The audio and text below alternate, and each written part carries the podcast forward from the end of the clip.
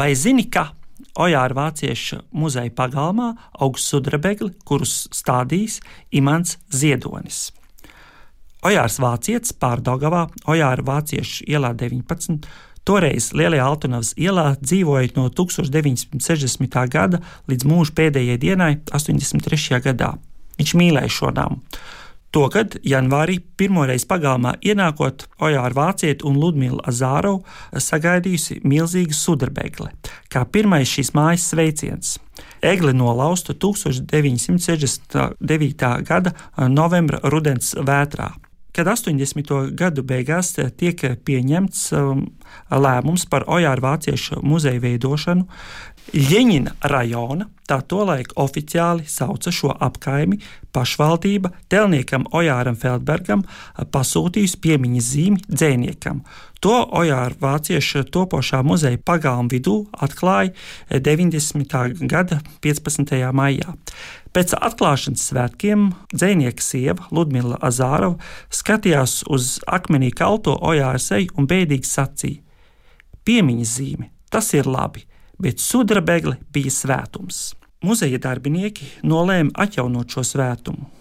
Tika izsūtīti ielūgumi rakstniekiem uz dārza talku, paši aizbrauca uz Baltasaru kokaudzētavu pēc egles, Kokaudzētavas saimnieks Varis Kazāks teica, ka Ojāram vācietim egli pārdot nevarot, tikai dāvināt.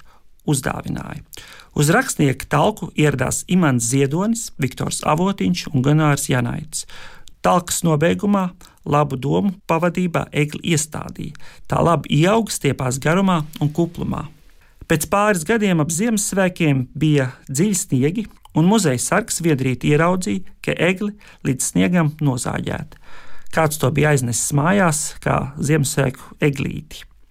Muzejs nesaprata, ko lai dara, ko lai saka Imantam Ziedonim, ko lai saka Viktoram Avotiņam, bet toreiz eh, dzēnieka Knuta Skujnieka sieva Inta Skujniece ieteica nevis eh, egli pilnībā nozāģēt, bet tā malu zarus uzsiet uz augšu varbūt ieaugsies. Un egle tik tiešām ieaugās un aug vēl joprojām.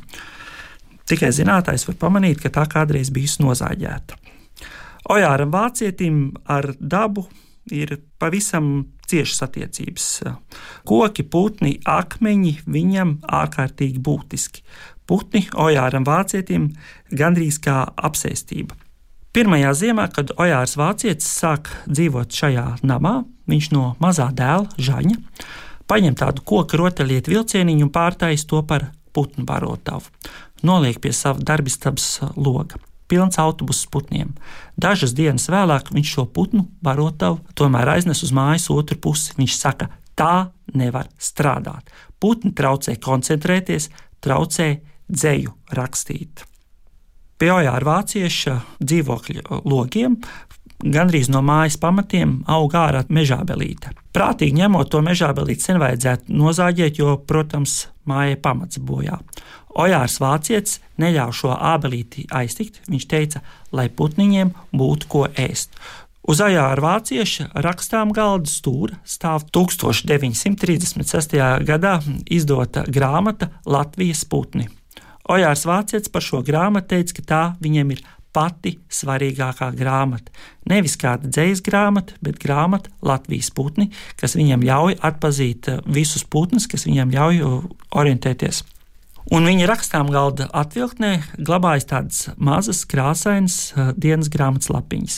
Ojārs Vācietis nerakstīja dienas grāmatu, viņš neļāva dienas grāmatu rakstīt arī sievai Ludmilai.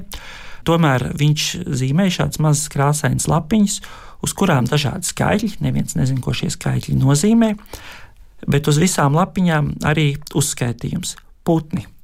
6. janvāris, piemēram, zīlītes, zvirbuļi, baloži, kovārņi, melnie strāzdi, vārnas kājas. 19. februāris, zīlītes, zvirbuļi, melnais strasts, baloži, vārnas, kājas, kovārņi, meža pīles, piecas ar izsaukumu zīli. Ojāra Vāciešu muzeja dārzā ir tāds soliņš. Ojāram vācietim tur reizēm ļoti patika sēdēt, skatīties uz putniem. Caur kokiem var redzēt arī māras dīķi, ja māras ezeru kā ojārs vācietis eh, teica. Bet dzēju gan uz šī soliņa Ojārs Vācietis neraksta. Dzēju Ojārs Vācietis raksta darbistabā, sēžot pie sava rakstām galda.